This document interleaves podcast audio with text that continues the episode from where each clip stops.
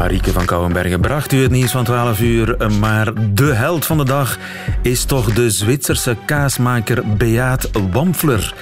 Die zijn Emmentaler laat rijpen op hip-hop. Want niet alleen luchtvochtigheid, temperatuur en voeding bepalen de smaak, ook ultrasoongeluid. Onhoorbaar voor het menselijk oor, niet voor het oor van de kaas. Ik erhoffe mir eigentlich, dass der Hip-Hop-Käse äh, dass der am besten ist. So haben wir eine Möglichkeit, auch mit jungen Leuten ins Gespräch zu kommen und den jungen Leuten zu sagen, äh, hört mal her, wenn man den Käse gut behandelt, dann gibt es einen feinen Hip-Hop-Käse. Hört mal her, een fijne hip-hop-käse. Of Beat gelijk heeft, gaan we snel weten. Of proeven. En ook de Universiteit van Bern gaat de zaak onderzoeken. De andere nieuwe feiten tot 1 uur.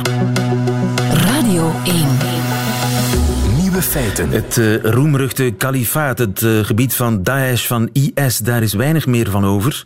Maar de lugubere sporen die die uh, jongens hebben achtergelaten, dat schrikbewind, die sporen daarvan, die worden meer en meer zichtbaar. In Noord-Irak bijvoorbeeld heeft IS meer dan 200 massagraven achtergelaten, waarin wellicht een 16.000-tal lichamen.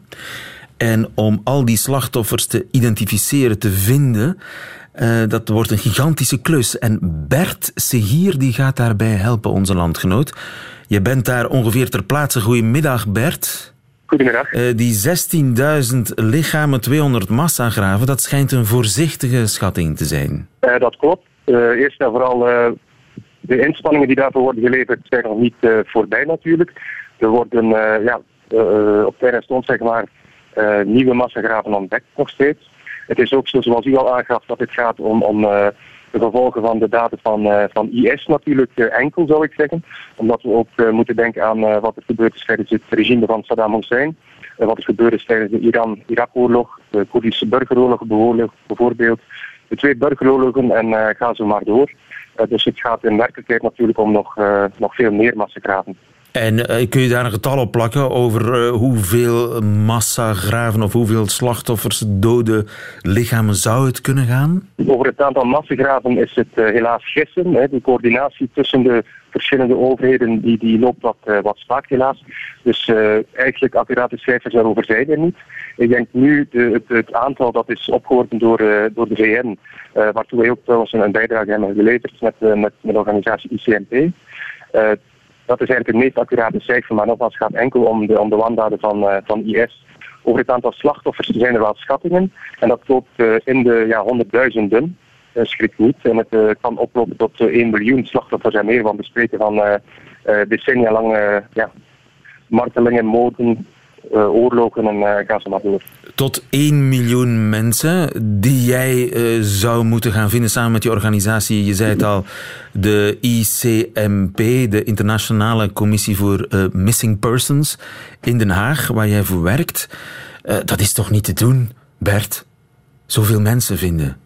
Ja, het is een absoluut titanenwerk, maar men moet ergens beginnen natuurlijk. Het feit dat men niet zich concentreert op, op de wandaden van, van IS uh, is een begin. Ik denk dat er uh, daardoor ook misschien meer mogelijkheid is om de aanpak uh, te coördineren en om ook te werken volgens internationale standaarden. En misschien kan dat wel een, een momentum zijn om ook te gaan kijken naar dus die, inderdaad die andere massagraven. En ook die te gaan systematisch ja, op te graven natuurlijk, de, de lichaam daar te gaan identificeren, maar ook de rechten toe te kennen aan de mensen die daarvoor in aanmerking komen, om ook hen de kans te geven om hun geliefde te begraven langs, langs beide uh, zijden van het conflict. Um, en natuurlijk ook om uh, gerechtigheid te kunnen laten geschieden. Dus een belangrijk onderdeel van het werk is te zorgen dat de opbergingen allemaal, uh, zoals ik al zei, volgens internationale standaard gebeuren, wetenschappelijk correct verlopen. Zodat ook dit als bewijs kan worden opgebracht in, uh, in, juridische zaken inderdaad. Ja, jij moet, neem ik aan, uh, samenwerken met de Irakezen. Uh, verloopt dat vlot? Of krijg je in tegendeel wat tegenwerking? Is er niet veel animo, animo, animo om al die ja, slachtoffers te gaan opgraven? Ja, daar is het probleem dat het een beetje afhangt van ja, welke periode je met de, de, overheden praat. Er zijn natuurlijk, het is een federale staat, dus er zijn ook verschillende overheden. Je hebt met de Koerdische autonome regio daar ook. Um, dus het hangt uh, vanaf van welke welke achtergrond politiek, etnisch, sectarisch een bepaalde politicus is, bijvoorbeeld, of een bepaalde groep, een bepaalde politieke partij of een bepaalde minister. Ehm, en inderdaad wat uh, zijn of haar agenda uh, kan zijn op dat vlak. Dus dat, is altijd, dat zijn altijd factoren waar je rekening mee moet houden. Dat maakt deel uit van onze analyse, maar dat maakt natuurlijk niet makkelijker op om, om alle overheden ertoe te bewegen om, om gezamenlijk een strategie uit te tekenen en dit gezamenlijk ook aan te pakken eigenlijk in het, in het belang van van hun uh, bevolking. In het belang van hun bevolking, in het belang van de toekomst. Want het is wel belangrijk uh, voor het land zelf dat die zaak achter de rug is, dat die klus geklaard wordt. Absoluut. Um, we zien in, in uh, andere voorbeelden, andere gebieden en, en landen waar we gewerkt hebben, dat dit van ontzettend groot belang is voor de stabiliteit van de regio, voor de toekomst van de regio, zoals jij ook aangaf. Dus ja, naar verzoening toe. Het zijn allemaal zaken die, heel moeilijk kunnen worden bereikt zonder dit cruciale probleem van, van de vermiste personen uh, aan te pakken. Dus het, absoluut, ik kan alleen maar bevestigen wat, wat u aangeeft dat dit uh, bijzonder, bijzonder noodzakelijk is. Een uh, belangrijke taak, een gigantische taak waar jij voor staat. Ik wens je daar heel veel succes en sterkte bij. Bert Sigir van het ICMP in Jordanië, onderweg naar Noord-Irak om al die massagraven daar te vinden. Dankjewel en bedankt voor dit gesprek. Feiten. Het spannendste avontuur ever. De ontdekking van België door een Nederlander, met name Sander van Horen, die tien jaar lang in Beirut heeft gewoond, daar werkzaam was als uh, correspondent voor de NOS. En uh, ja, sinds vorig jaar van standplaats is veranderd. Van Beirut naar Brussel. Mm -hmm. Correspondent België voor de Nederlandse televisie. Sander, uh, elke vrijdag kom jij verslag doen van jouw ontdekkingstocht. Wat heb je deze week nou ja, bijgeleerd heeft, over ons? Het heeft eigenlijk te maken met het België logischerwijs dit weekend natuurlijk van 100 jaar geleden. En, ja, jullie kennen, hebben natuurlijk minder geschiedenis met de Eerste Wereldoorlog. Wij hebben geen. Wij waren neutraal. Uh, en dat betekent ook dat bij ons in de geschiedenisboeken wel voorkomt, maar het wordt niet doorleefd. En ik heb gisteravond bij ons in Nederland een reportage uitgezonden over uh, wielrenners die in 1913 de eerste ronde van Vlaanderen reden en vanaf 1914 werden ingezet als koerier om uh, spionageberichten snel van A naar B te krijgen. En, Wat een mooi verhaal, dat kende ik niet eens. Nou, oké, okay, gelukkig, want in Nederland kent ook niemand het. Nee, ja, dat is, dat is gebeurd. Paul de Man uh, is een naam van uh, de eerste winnaar van uh, de ronde. Die vervolgens inderdaad 15, 14, 15 keer van Vlaanderen naar Middelburg, Vlissingen en Middelburg is gefietst. En dat deed hij op de fiets. Want ja, en dat vind ik het fascinerende. Nogmaals, wij, wij kennen het wel uit de geschiedenisboeken natuurlijk, maar die Tweede Wereldoorlog is hier in België heel belangrijk. Maar voor ons in Nederland is dat natuurlijk de enige grote oorlog. Dus dat overschaduwt alles. Maar dat uh, uh, er, er, dus gewoon hier zo zwaar gevochten werd. Ja, wij weten dat niet. En dit soort verhalen, die kennen we ook niet. Het is, het is fascinerend om in te duiken. Ja, de, de Belgen waren toen wel massaal naar Nederland gevlucht, hè? 1 miljoen waren er. En ik heb het eens nagezocht. Oh, uh, op, op dat moment waren wij Hollanders met 10 miljoen. Moet je dus- Hollanders? Dus, ik hoor je zeggen moet, Hollanders. Moet je, ja, ik probeer de taaltest voor te dat zijn. Dat is een extra punt, hè? Maar moet je je voorstellen, 10% van uh, de inwoners op dat moment was vluchteling. En dat ging, ook, dat ging dus ook niet goed. Dus, dus we hebben een hek gebouwd, het, de, de, de dodendraad, op de grens. Dat hebben de Nederlanders die gebouwd? Ja, Wist ik ook niet. Ik ging er blind vanuit dat dat de Duitsers geweest waren. Maar uh, uh, dat zijn dus daadwerkelijk de Nederlanders geweest. Om te voorkomen dus dat er nog weer meer vluchten. Want we konden het niet aan. We, we, we hebben jullie... Schaften dat niet? Nee, we, nee we, hebben dat, ja, ja, we hebben dat geschaft tot een miljoen, tot 10 procent. Ik bedoel, uh, ga, ga er maar aan staan op dit moment om dergelijke uh, vluchtelingenaantallen op te nemen. Maar wat natuurlijk het aardige was, ik bedoel, uh, met een beetje rare tongval en wat, wat rare gewoontes konden jullie grosso modo natuurlijk wel voor Nederlanders doorgaan. En dat maakt het opvangen natuurlijk wel makkelijker. Hetzelfde wat je ziet met Syriërs die in Libanon worden opgevangen. Dat gaat veel natuurlijker, veel vloeiender.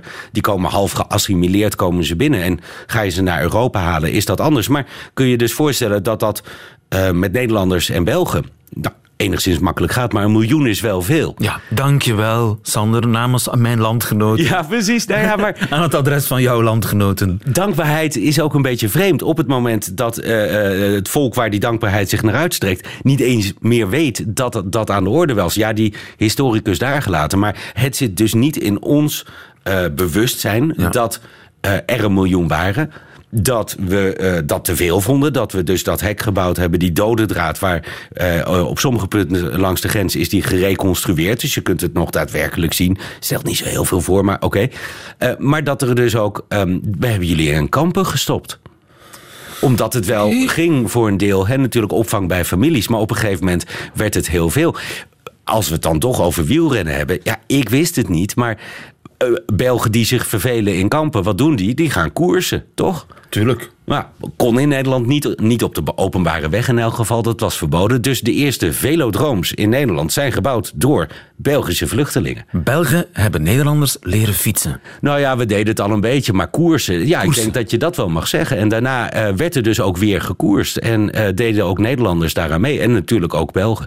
Ja. Maar ik, ik, ik, ik vind het fascinerend hoe weinig wij van die oorlog weten. En natuurlijk, we hadden niet Twitter en Facebook. De, maar dat de slag om Passendalen, ja, ik heb er ook pas van geleerd toen ik hier kwam eigenlijk. Ben je in Passendalen geweest? Ik ben in Passendalen geweest. Indrukwekkend, hè? Indrukwekkend, uh, omdat het daar zo'n grote slag is geweest. In een paar dagen tijd meer dan een half miljoen doden en gewonden aan beide kanten. Ik bedoel, het, en, en dat dan op steenworp afstand van het neutrale Nederland... waar wij normaal doorleefden eigenlijk vind ik dat, dat we daar meer aandacht... ja, misschien dat tegenwoordig in het curriculum op de middelbare scholen... daar gewoon voldoende aandacht voor is. Maar ja, dat, wat, wat je hier ook in België ziet volgens mij... die Tweede Wereldoorlog was in die zin veel duidelijker. Daar was gewoon niet alles tegen iedereen. Je had Nazi-Duitsland met Hitler. Dat, dat, het toonbeeld van het kwaad. En, ja, dat, en de verschrikkingen zijn natuurlijk ook van, van een andere orde... tijdens de Tweede Wereldoorlog. Maar vandaar dat dat ook hier, maar zeker in Nederland... enorm in het bewustzijn zit. Terwijl er een fascinerende geschiedenis is geweest, hier in Vlaanderen vooral. Ja, die jij deze week uh, hebt ontdekt, waarvoor uh, uh, gefeliciteerd. Ook gefeliciteerd met je prachtige tweet, Sander, deze week. Ik citeer hem even. Ja. Maar allee. Ja. Belgische vrienden, niet jullie ook een Zwarte Pieten discussie? Nee, hou ermee op nu het nog kan. Juist, maar het, het wordt is, heel het is vooral, namelijk. Het is. Ja, maar we gaan niet over de Zwarte Piet uh, discussie beginnen, maar die maar allee, yeah. dat is geweldig goed gedaan. Uh, felicitaties van de, van de jury met het correct gebruik van uh, de Vlaamse uitdrukking maralei. Ja. Maar je begeeft je wel, dat besef je misschien niet, op glad ijs. De lat in de taaltest wordt hoger gelegd, voel ik aankomen. Want uh, ik, ik, voel dat het tijd wordt voor een cursus allelogie. Mag ik trouwens even een, een beschrijving Elke toevoegen? week probeer je te ik, ontsnappen. Ik, ik, breng je misschien in tijdnood, maar voor de luisteraar die niet naar de webcam zit mee te kijken, wij zitten tegenover elkaar. Uh, naast ons zit de technicus en die zit heel geniepig te lachen op het moment dat de taaltest begint. Oké, okay, want uh, er zijn heel veel uh, verschillende aleis. Ja. En ze, ze veranderen van betekenis naarmate je ja, de toon verandert waar, waarin je ze... Maralei, zo van kom op nou. Mara, dus, want de, de Maralei, die, die, hebben, die hebben we wel, hè, geloof ik. Even, want ik heb assistentie gevraagd van Lotte, mijn collega. En uh, behalve die maralei die jij correct dus gebruikt hebt, is er ook bijvoorbeeld deze. Allee toe. Allee toe. Allee toe, ja. Dat is, uh, zou ik zeggen van, uh, doe nou eens normaal. Nee, Kom op. Allee toe, daar geloof ik niet van. Nee? Allee toe. Oké. Okay. Ja, maar er is ook deze allee toe. Allee toe. ja, daar kan ik me dan weer wel wat bij voorstellen, ja. Dat is... Maar dat is meer de intonatie waar het wordt uit, uitgesproken. Dat is iets wat uh, s'avonds in bed gebeurt. Uh, niet? Oh. Allee toe, ja, dat zou kunnen. Zou kunnen Onder ja. meer, ja. Is een, ja. een, een, een, een uitnodiging om, om iets te doen of daarmee door te gaan. Alsjeblieft, ja, allee toe. Ja, ja. Oké. Okay. Ja. Dus ik herhaal even, hè. Allee toe. Allee toe. Ja, dat daar is de boze van. variant. Ja? Nee, nee, daar geloof ik niks van. Allee toe. Oh, Oké. Okay. Maak dat je grootje wijst. Want ja, ik, ja precies. Ik, ik, ik, ik zoek naar een Nederlands equivalent. Niet altijd even makkelijk. Dus die hadden we al. De, allee de, toe. Allee toe. En dan is er... Allee toe. Allee toe. Ja. Alsjeblieft. Maar er is ook deze. Allee toe. Allee toe. Kom op, schiet op. Goed. Ja. Perfect. Dus drie allee toes die drie keer iets anders betekenen naarmate je ze anders uitspreekt. Maar dan is er ook nog ja. Allee dan. Allee dan. Het moet dan maar. Ja, dat Mijn is dan, gevoel bij de taaltest dat is, een allee beetje. Ja. Dat is meer dan allee ja. Ja, dan allee ja. Allee ja, dat, vooruit dan maar. maar allee dan. Allee dan. Ja, dat, ik reken hem goed. Uh -huh. Maar er is ook een, een allee dan die uh, afrondend is. Nu dan. Oké, okay, laat me horen. Allee dan. Dat Oh, dat klinkt is ongeveer dezelfde. hetzelfde. Alle- Allee dan. Ja. Laten we gaan. Allee dan. Het is hier klaar. Nu dan. Ja. Zoiets. En, eh, maar we hebben natuurlijk ook nog... eh, wacht eens even. Hè. Eh, eh, de deze. Allee, jong. Allee, jong. Welk dialect is dat? dat is, ik vrees dat, dat dit algemeen eh, aanvaard Vlaams is. Oké, nog een keer? Allee, jong. Nee, zou ik niet weten. Allee, jong. Alleen jong. Ah, oké. Allee, jong. Ja, ja, ja, ja, ja. Hmm. Ja, dat is toch ook de doe toch eens normaal variant weer. Nee, nee. Allee, jong. Ongelooflijk. Ah. Allee, jong. Wel grappig Wat trouwens dat ik nu? denk dat het mijn Nederlandse doe is normaal eh, insteken is. In borst bijna, dus onze natuur. Dat ik dat in heel veel van die alleedans hoor. Dat zegt ook weer wat over mij, denk ik. Maar het, het, het gekke is dat er niet zo'n... eh, eh, er is geen allee-woord in Nederland. Nee, in, in, in het Arabisch eh, eh, prettig genoeg wel. Yallah. Dat kun je namelijk inderdaad ook uitspreken. En eh, de zinsconstructie kan alle alleedans betekenen die jij nu eh, ongeveer genoemd hebt. En Dat was dus de alleelogie, maar er is ook natuurlijk de amai-kunde. ja, Want dat is een stap verder. Amai. ja nee, ga je gang. Ja, Ja. Vooral het verschil dan tussen amai Ja. en amaini. Uh, Amaini, die heb ik nog nooit gehoord zelfs. Ah, maar wat betekent amai? Eh, eh, ja, jeetje, hoe vertaal je Jeetje, dat? voilà. Ja, nee, oké, ja, precies. Amai. Nee, maar het is, het is breder. Het kan, het kan ook positief, het kan negatief zijn. Zeker, ja, het kan verbaasd zijn, het kan Ja. bozig Jeetje, wat een mooi kleedje. Ja, ja. Amai, wat een mooi kleedje. Kleedje, oh jeetje, God, wat ja. een klootzak. Ja. Amai, wat een klootzak. Ja, ja, precies. Dus het kan jeetje, amai, dat is vrij duidelijk. Maar dan amai nog niet, of amai niet. Amai nog niet. Nee, zou ik niet weten. Dat is eh, hogere amai. Ja, oké. Amai niet betekent meer dan dat, sterker nog. Het is een dubbele amai, zeg Ja, maar. was het fijn gisteravond? Amai niet. Oh ja, echt waar? Het was Ja, ja. onvergetelijk. Onvergetelijk. Oh, Zoiets. Niet is eigenlijk bevestigen, maar nog sterker zetten. Oké, als jullie doorgaan met de volgende Zwarte Pieten, met de Zwarte Pieten discussie, denk ik dat ik Amaini vast wel weer een keer in de tweet kwijt kan. Ja, ik, ik, ik zocht nog naar een... eh, hoe zou je dat in het Nederlands zeggen? Amai niet. Tuurlijk wel. Eh, Ja, sterker tuurlijk nog. niet. Nee. Dat wat- kan allebei zijn. Het kan ontkennend en bevestigend nee, maar- zijn. Oh ja. Oké, amai niet. Eh, Echt wel. Echt waar. maar het zijn die hele kleine woordjes die natuurlijk ehm, eh, de moeilijkste zijn. Ja. Maar je bent toch al eh, flink op weg om een echte Vlaming te worden. Eh, Ah. Je, bent, je, bent, je bent al flink gevorderd in de alleekunde. Amaini. Amaini, inderdaad, zeer goed. Dankjewel Sander en tot volgende week.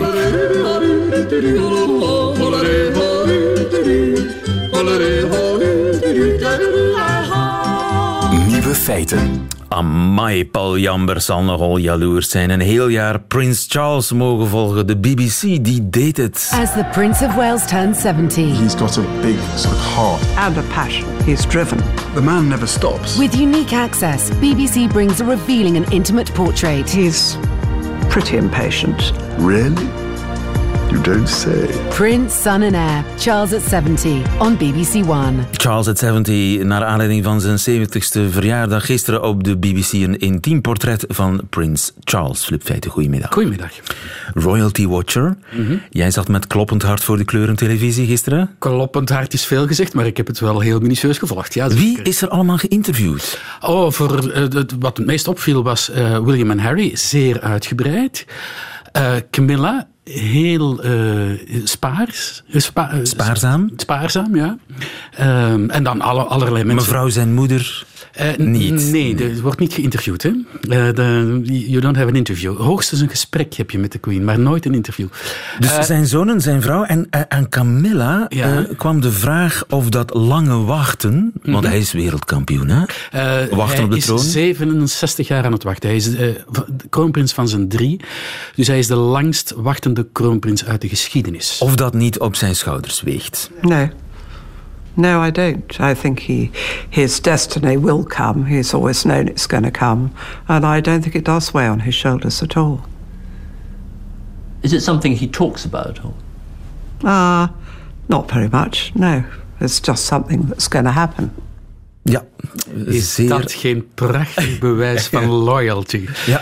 En het is een enorm contrast. Lieven, herinner je het eh, interview van Diana in 1995, waar ze zei: hij is er niet geschikt voor, omdat hij zijn mening niet voor zich gaat kunnen houden, omdat dat tegen zijn temperament ingaat.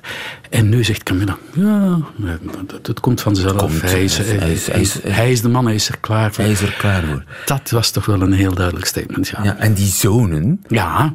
wat vertellen die over hun vader? Eh, wat ik heel leuk vond, was dat ze geconfronteerd werden met filmpjes van hun vader. Daarom zaten ze in een soort cinemazaaltje. Je zag trouwens ook heel goed het verschil tussen Harry, die vertelt breed uit en, en heel spontaan, terwijl eh, William echt dan een beetje in, in het keurslijf Die zit al, en die, die, ja. die zit al eh, Ja half... die, ja, die zit al een beetje... Op de troon. Spontaniteit, ja, is er wat af. Maar goed, ze waren aan het kijken naar filmpjes over hun vader. Onder andere een filmpje uit 1970. Dat is, als ik goed kan tellen, 48 jaar geleden. Waarin hij waarschuwt voor eh, plastic.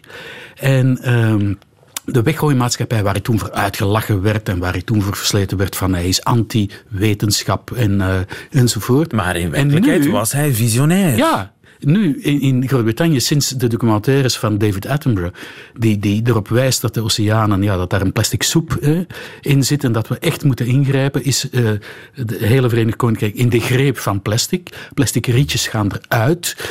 Ja. en, zo. en je zag de jongens kijken van, godverdorie, Hij was er hij was er toen al bij. Ja. En zijn zij ook eh, in die zin opgevoed, eh, gedrild? Ja, en dat vertelde ze ook. Dat was ook heel grappig.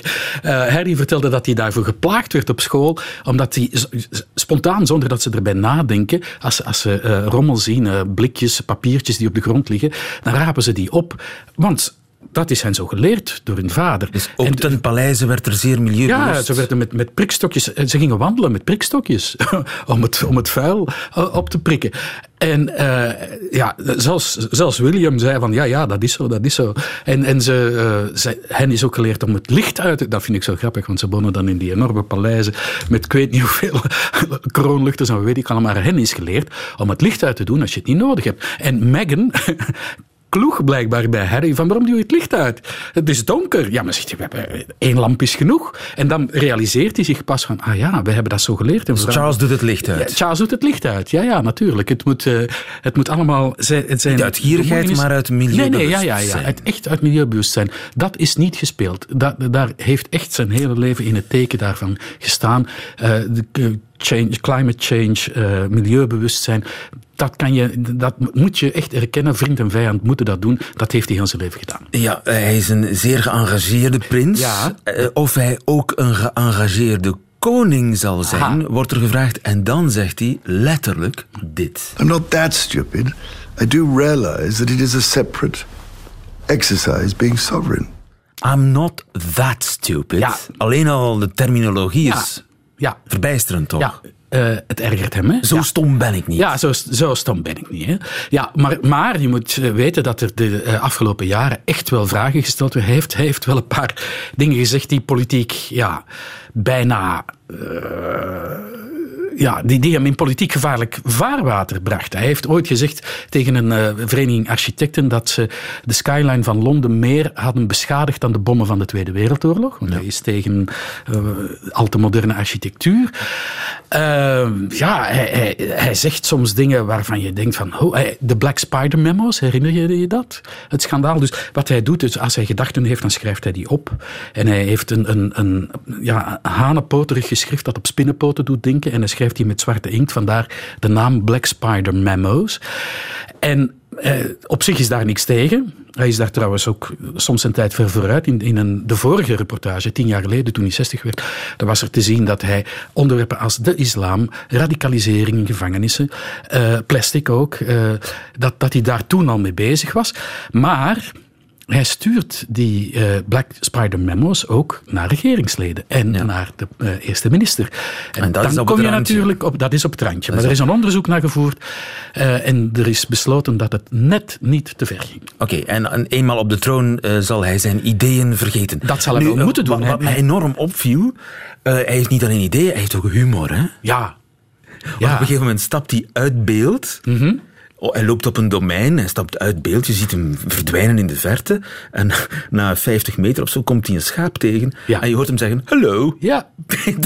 en ik vind het heel leuk dat hij dat doet, want hij weet heel goed, hij is zich enorm bewust, in die 70 jaar heeft hij dat wel geleerd, van die camera's.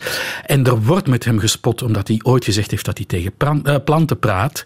En hij denkt, fuck you. En hij loopt de, tegen, hij, doet, hij doet uh, kalkoenen na, gobbel, gobbel, gobbel, gobbel. En hij weet dat die camera er is en hij denkt, laat ze maar denken. ik zeg hallo tegen een schaap. En uh, hij is er klaar voor, dat is duidelijk. Hij is, Als hij er nu niet klaar voor is... born for the job. Born for the job. En hij zal zo saai worden als zijn moeder. Dat heeft hij nu beloofd. Dankjewel, Philip Feiten. En de documentaire over Prins Charles die is volgende week op uh, Canvas te zien. Radio 1. Altijd benieuwd.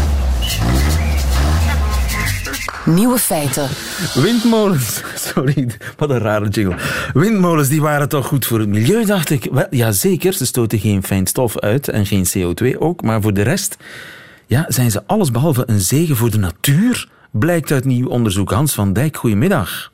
Goedemiddag, lieven. Bioloog uh, aan de UCL. Collega's van u in India hebben de impact bekeken van windmolens op de natuur. Wat blijkt er allemaal? Ja, heel wat, zoals dat vaak gaat met wetenschap. Nu, ze zijn niet gaan kijken naar één windmolen, wat die doet met de diertjes om die windmolen. Maar ze zijn gaan kijken wanneer een hele windmolenpark, dus 15, 20 van die windmolens bij elkaar staat. En wat ze dan gezien hebben, is dat dat voor een aantal soorten een probleem vormt.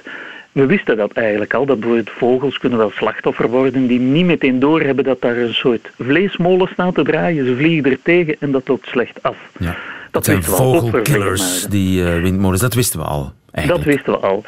Wat we nu hebben gezien is dat, en zo gaat dat vaak in de natuur, de ene zijn dood, de ander zijn brood. Dus het slechte nieuws voor de ene kan goed nieuws zijn voor de andere.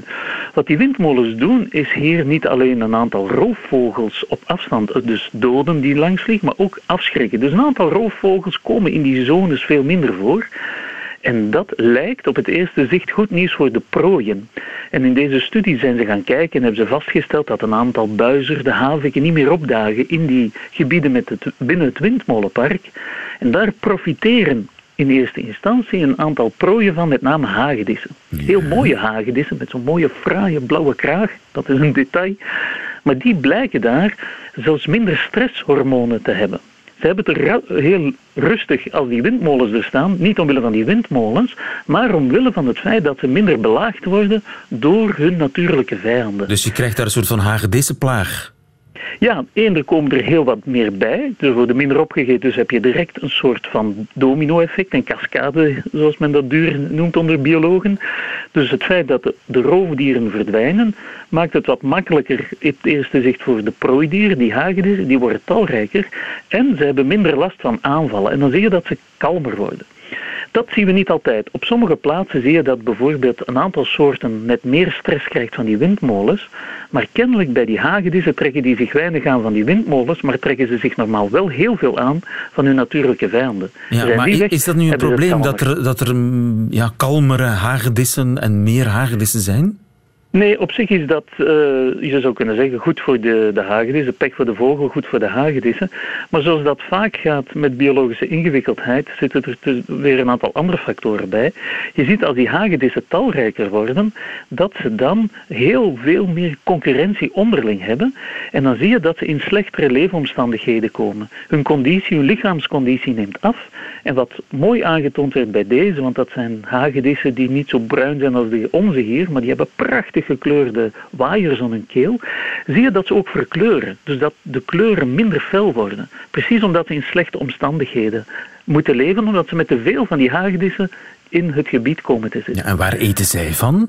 Die Zij eten van alles. Zij eten vooral kleine insecten. Uh, sommigen gaan ook aan fruit. Dus je, het is echt een soort. Het werkt door door het hele ecosysteem.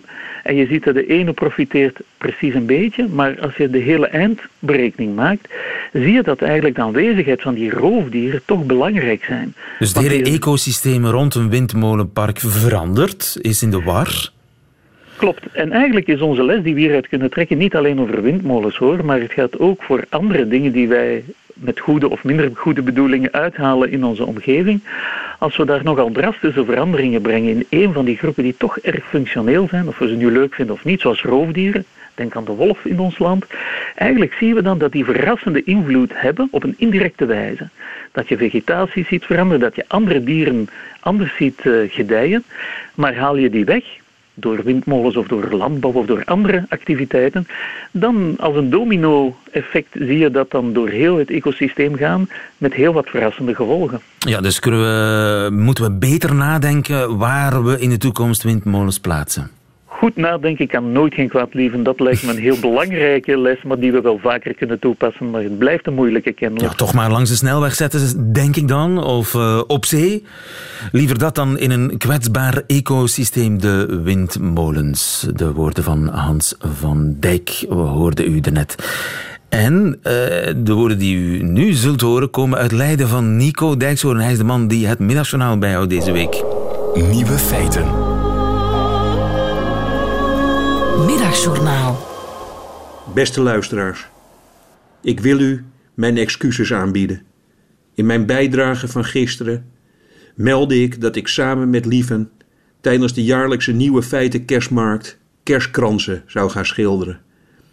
En voor die activiteit hebben zich gisterenmiddag al 732 mensen opgegeven. Ik heb daar, en dat spijt me echt heel erg, verkeerde informatie gegeven. Het gaat niet om het schilderen van kerstkransen, maar Lieven en ik zullen figureren in een levende kerststal. Er is op dit moment nog wat oneenigheid. Wie er een van de drie wijzen uit het oosten zal spelen en wie Jozef mag doen. Maar daar komen we samen wel uit. Dus nogmaals, ik zeg het nog maar even voor de mensen die iets later inschakelen. Lieven en ik zullen geen kerstkransen gaan schilderen. Het heeft te maken met een bepaalde allergie van liefde voor verf op oliebasis. Ik vind het wel heel jammer dat het niet doorgaat. Ik heb al zo lang geleden voor het laatst met een andere man zitten knutselen. Ongeveer 51 jaar geleden moet dat zijn.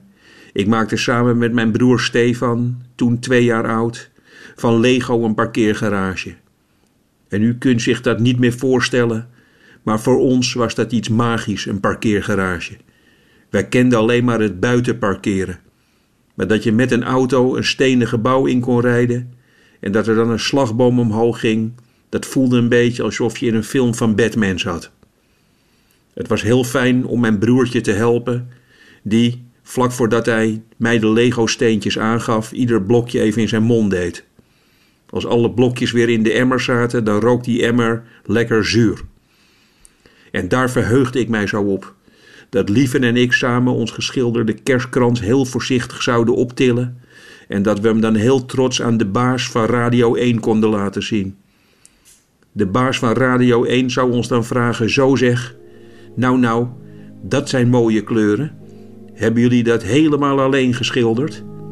En dan had ik kunnen zeggen: Nee, ik heb het meeste geschilderd en lieve alleen dat ene lelijke kerstklokje. Luisteraars, dat gaat dus nu niet door. Nogmaal, excuses. Ik was te enthousiast. Ik heb mij te veel laten meeslepen door het idee dat ik eindelijk weer eens een keer naar zijn soort broer zou kunnen knutselen. Misschien volgend jaar. Ik spreek u volgende maand weer. Nu terug naar Lieven. Helemaal alleen in de studio. Zonder mij.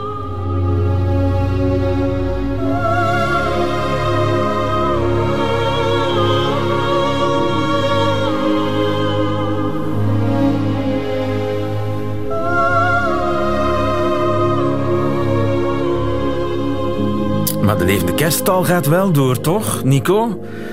Als ik de os mag zijn. Nico Dijkshoorn deze week in het Middagjournaal. Waarvoor dank, Nico.